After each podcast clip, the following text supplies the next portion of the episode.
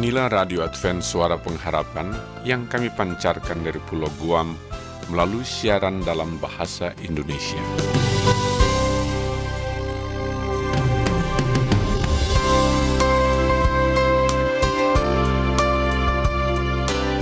Salam sejahtera kami ucapkan kepada pendengar setia kami di mana pun Anda berada.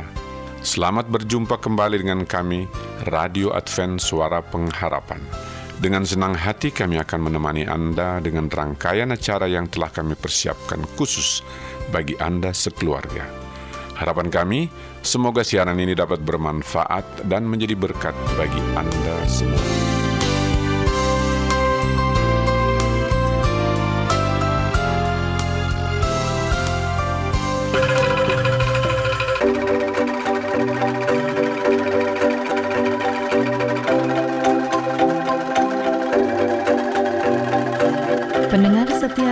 Advent Suara Pengharapan di mana pun Anda berada. Terima kasih karena saat ini Anda masih terus mendengarkan siaran kami. Saat ini kita akan mengikuti program mendidik dan membimbing anak yang pasti sangat cocok untuk para orang tua dan wali atau siapa pun yang memiliki tanggung jawab mengasuh anak. Arahan dan petunjuk yang disampaikan dalam program ini mengacu kepada petunjuk Allah, baik dari kitab suci juga pena inspirasi yang merupakan tulisan yang diilhamkan. Selamat mengikuti. Namun terlebih dahulu kita mendengarkan Kidung Pujian. Dari studio kami ucapkan selamat mendengarkan.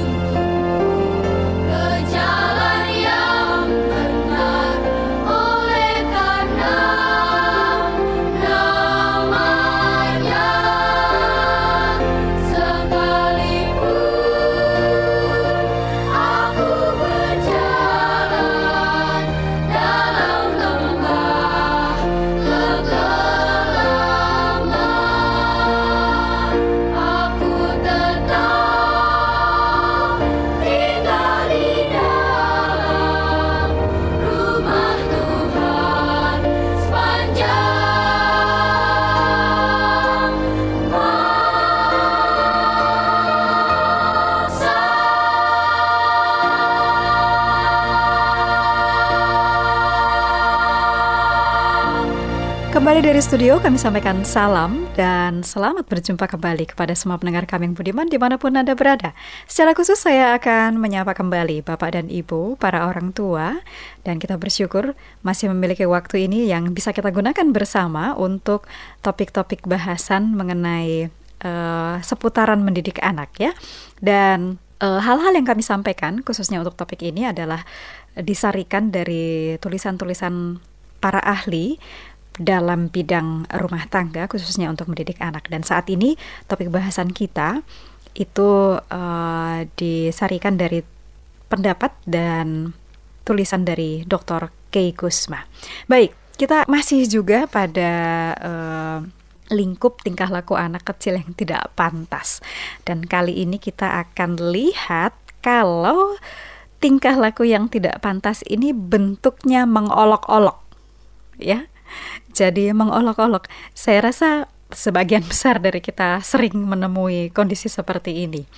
Contoh saja secara uh, yang yang mudah ya kita dapati. Kalau ada dua anak dalam rumah, kemudian yang satu lebih besar, lalu yang satu lebih kecil, pernah ya mendengarkan istilah yang dikatakan sama anak yang lebih besar ini bodoh gitu ya kepada adiknya. Wah, ini uh, yang saya perhatikan juga di beberapa lingkungan dan keluarga akhirnya tampak seperti hal yang biasa.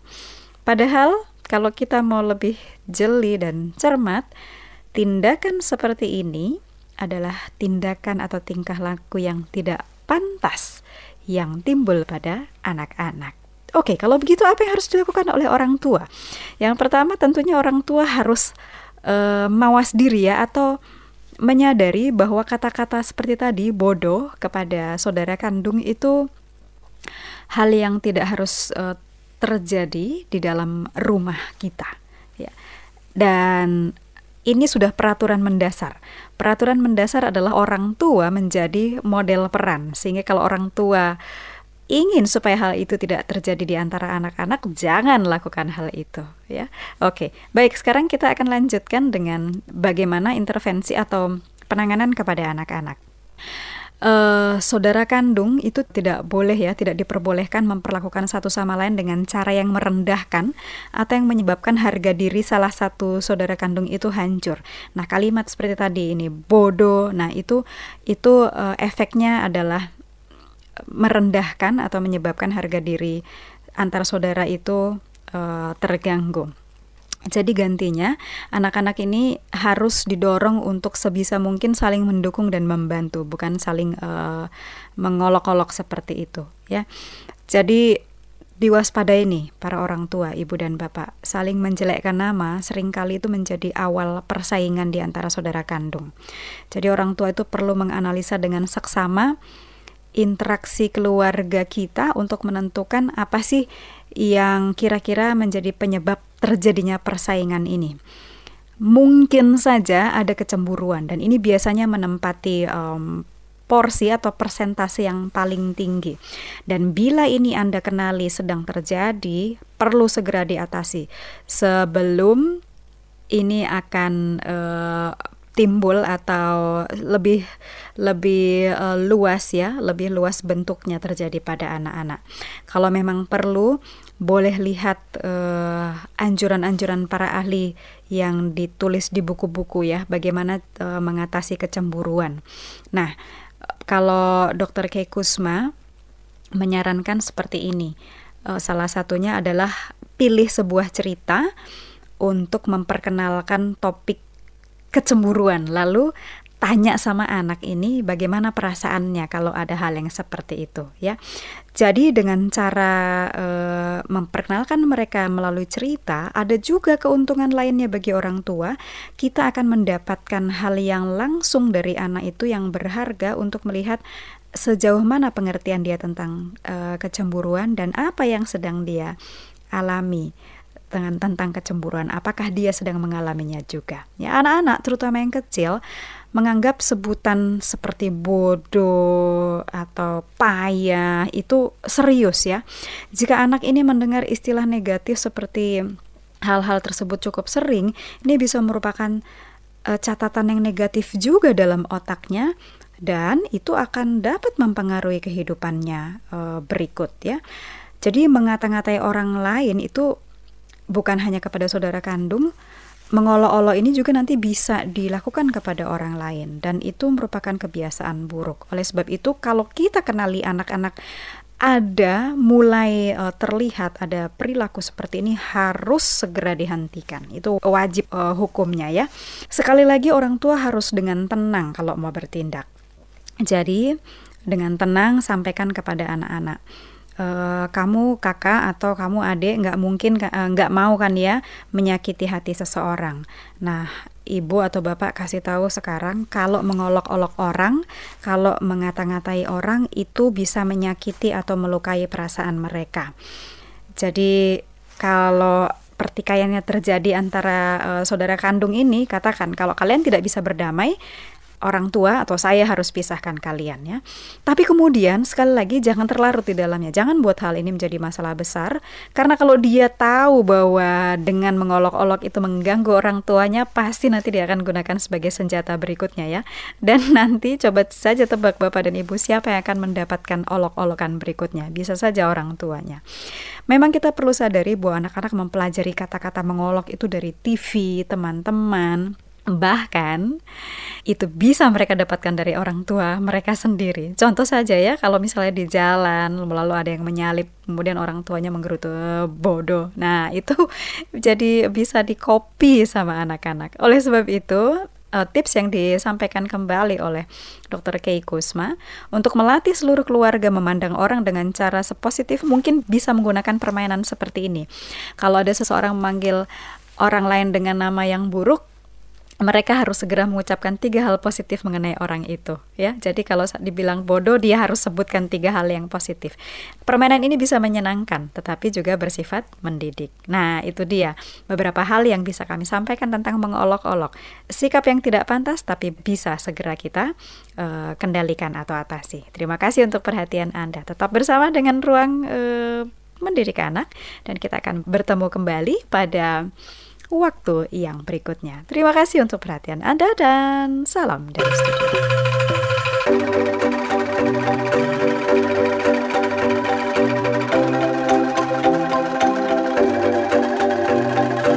Pendengar setia Radio Advent Suara Pengharapan, demikianlah program mendidik dan membimbing anak yang baru saja kami persembahkan bagi Anda Kiranya ini dapat menjadi penuntun praktis dan bermanfaat bagi tugas mulia yang sudah Allah mandatkan kepada kita.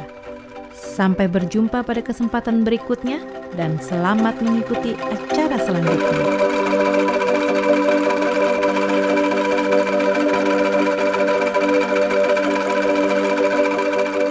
Shalom bagi semua sahabat pendengar. Kabar baik bahwa kisah dan kesaksian terkait siaran dan pelayanan AWR Indonesia kini dapat diikuti secara berkala, baik melalui siaran harian Radio Advent Suara Pengharapan setiap minggu kedua dan keempat, juga melalui YouTube dan Facebook AWR Indonesia. Terima kasih banyak untuk yang sudah menyampaikan dan masih terbuka bagi Anda semua untuk segera SMS atau telepon ke nomor AWR di 0821 1061 1595 atau di nomor 0816 1188 302 untuk WhatsApp dan Telegram. Kami tetap menunggu dukungan Anda. Selanjutnya marilah kita mengikuti mimbar suara pengharapan. Angkat dan bunyikanlah Yesus mau datang segera. Nyanyi musafir dan pujikanlah. Yesus mau datang segera. Datang segera Datang segera. Inilah mimbar suara pengharapan dengan tema menjadi tong sampah. Selamat mendengarkan. Bangsa marah itu tandanya Yesus mau datang segera Pengetahuan bertambah-tambah Yesus mau datang segera, datang segera,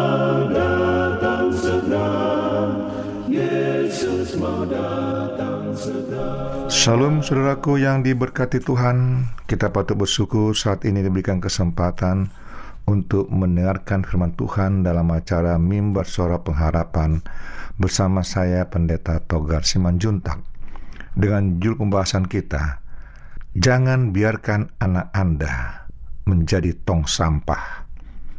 Jangan biarkan anak Anda menjadi tong sampah. Wah luar biasa saudaraku ini. Kenapa saya ucapkan demikian saudaraku?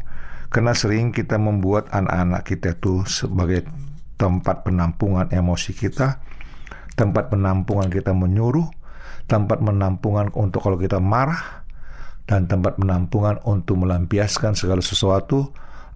Sementara kita asik duduk main HP atau nonton televisi, anak kita suruh ke sana kemari melakukan tugas-tugas, membersihkan.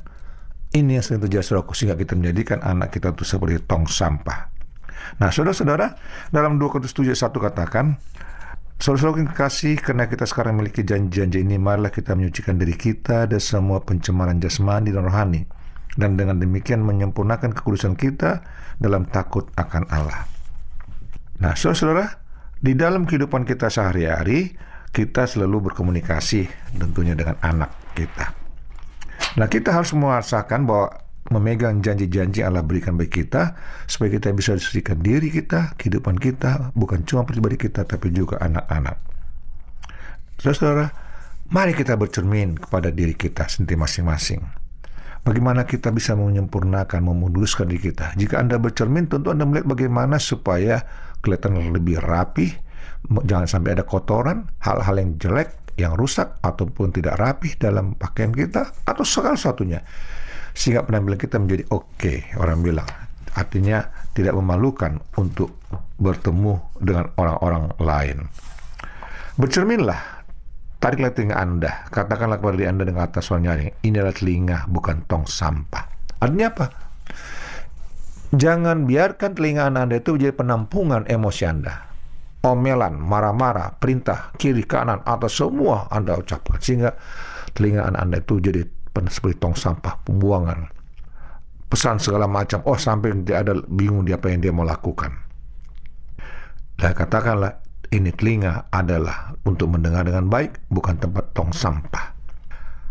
Hal yang sama, suraku berlaku bagi telinga Anda. Jangan menumpahkan perasaan negatif Anda terhadap perasaan hidup Anda, pemimpin Anda, atau majikan Anda ke telinga anak Anda. Jadi sering kita masalah-masalah dalam rumah tangga, masalah dalam lingkungan, masalah dalam kerja, atau apa saja, kena jengkel, anak kita korban. Sampai rumah kita omelin karena kita mungkin lihat sepatunya tergeletak sana kemarin kita panggil omelnya. Mungkin kita lihat dia lagi berantakan mainnya marah lagi kita. Nah ini ada ketakutan. Jadi akhirnya apa? Setiap anda pulang kantor bukannya dia menyambut dengan ramah, tetapi dia muncul ketakutan, dia menciut. Akhirnya dia pelan-pelan berusaha pergi. Jangan sampai anda lihat. Nah, sesudah ini sangat berbahaya. Jangan tumpahkan perkataan tidak personal itu telinga Anda. Lalu saudara-saudaraku jangan biarkan juga televisi, radio, si teman-teman atau komputer mengisi telinga atau mata Anda dengan sampah. Ya, itu berbahaya. Mata juga harus Anda jaga. Jangan biarkan wajah Anda itu kencang, marah-marah, kritik atau bagaimana tegang dilihat oleh anak Anda. Jangan biarkan saudaraku, tapi usahakan Anda senyum saat anak Anda menoleh dan memandang wajah sehingga ada rasa kedekatan. Tapi kalau wajah Anda tegang lalu cemberut, maka jangan heran dia tidak akan mau datang kepada Anda. Lalu saudaraku jagalah pintu masuk dalam kehidupan anak Anda. Matanya, telinganya, mulut, mulut indera peraba mereka, alat panca yang lain, harus terus menerus jaga kebersihan dan kemuliaan oleh orang tua. Saudara-saudara, sering kita menemukan bahwa telepon telah menjadi timbulan sampah bagi telinga anak-anak kita. Lalu monitorlah telepon Anda. Tentukanlah pada batas-batas yang sehat untuk melindungi anak-anak Anda dari pergaulan, dari telepon, dari apa saja. Tapi jangan Anda jadi tempat pembuangan sampah kepada Anda. Jangan Anda jadi sumber tempat membawa sampah. Tapi bila Anda jadi sumber kelepasan bagi dia, sumber kelelahan itu bisa datang pada dia rasa lega. Berapa sampai harus kita jaga agar tidak maksudnya Anda misalnya contohnya hal-hal pornografi itu mungkin dari TV atau dari handphone ya hal-hal kata yang kotor bisa juga dari anda mengucapkan sendiri atau dari lingkungan dari teman-temannya dari media-media gosip lalu kata-kata yang meremehkan prasangka dan penghinaan rasial ataupun aras apa aras ras maksudnya kata-kata yang penuh kebencian fitnah mengutuk dan lain-lain dan lain-lain. Banyak terjadi sudah bisa anda lihat. Banyak hal-hal ini yang membuat jadi sampah kepada orang anak-anak kita. Jangan biarkan saudaraku, jangan biarkan anak kita menjadi tempat sampah, tong sampah. Tapi biarlah dia ber, berkarya sendiri, berkarya ya, membuat satu bagaimana dia bisa membuat hidupnya lebih berarti dengan dorong semangat Anda. Jadi apa yang saya dapatkan tadi saudaraku itu sedikit saja dari hal-hal yang membuat dia seperti tong sampah. Lalu saya pikir Anda juga mengerti Pertanyaan adalah, apakah Anda tidak akan membiarkan telinga Anda dan telinga anak Anda menjadi tong sampah? Dan apa Anda tidak melihat mata juga bisa pengaruh tong sampah. Jadi usahakan Anda itu kalau ketemu Anda dalam situasi kondisi yang nyaman, yang tenang, damai, sehingga dia pun setiap saat Anda mau ketemu dia, dia langsung berdatang melari meluk Anda. Dia rasa bahagia. Tapi kalau dia tidak mau peduli, maka jangan heran, maka Anda tidak akan pernah diperhatikan sama dia. Justru aku katakan, mari kita mau nyucikan di kita. Artinya mari kita menjaga ucapan kita, tutur kata kita, sikap kita, wajah kita, gerak kiri kita. Contohnya, Anda janganlah coba-coba memberikan satu gerakan mengancam, satu memukul pada Anda. Ya, seperti Anda kalau menong sampah dalam tong itu, kalau misalnya Anda menggurung, Anda tekan-tekan supaya dia makin lebih padat. Jangan biarkan demikian, saudaraku. Biarlah saudara menunjukkan suatu hal yang anak Anda keluar daripada hal beban dia sekali Anda berbicara yang membuat dia rasa ketakutan, maka setiap Anda berbicara dia rasa takut, trauma dalam dirinya. Itu sangat berbahaya saudaraku. Jadi telinga anak Anda itu, pacendranya itu semua saudaraku bukanlah tempat penampungan atau sebagai tempat sampah dalam hidupnya. Tapi mereka itu merasakan satu buah kebahagiaan jika Anda berbicara dengan penuh sukacita dan damai. Nah, saudara yang berkati Tuhan, banyak sekarang orang tua merasa bahwa kalau dia berbicara, anaknya 100% tunduk dan mendengar. Tidak memberikan kesempatan anaknya berbicara apa pun. Sehingga persis seperti Anda buang tong sampah ke tempat tong sampah. Maka tidak perlu ada lagi beron, apa, tong sampah tidak bisa berontak. Jadi saudaraku, mari jadikan anak Anda itu sebagai satu partner Anda, teman berbicara, teman untuk melakukan tugas-tugas Anda, kehidupan sehari-hari, dan teman juga untuk berkarya ataupun bertamasya. Nah, saudaraku, jika Anda mau didoakan atau benar mau tanyakan, hubungi kami tim pelayanan suara mimbar suara pengharapan. Dengan penuh sukacita kami akan selalu berdoa dan melihat Anda. Salam saudaraku, Tuhan berkati. Amin.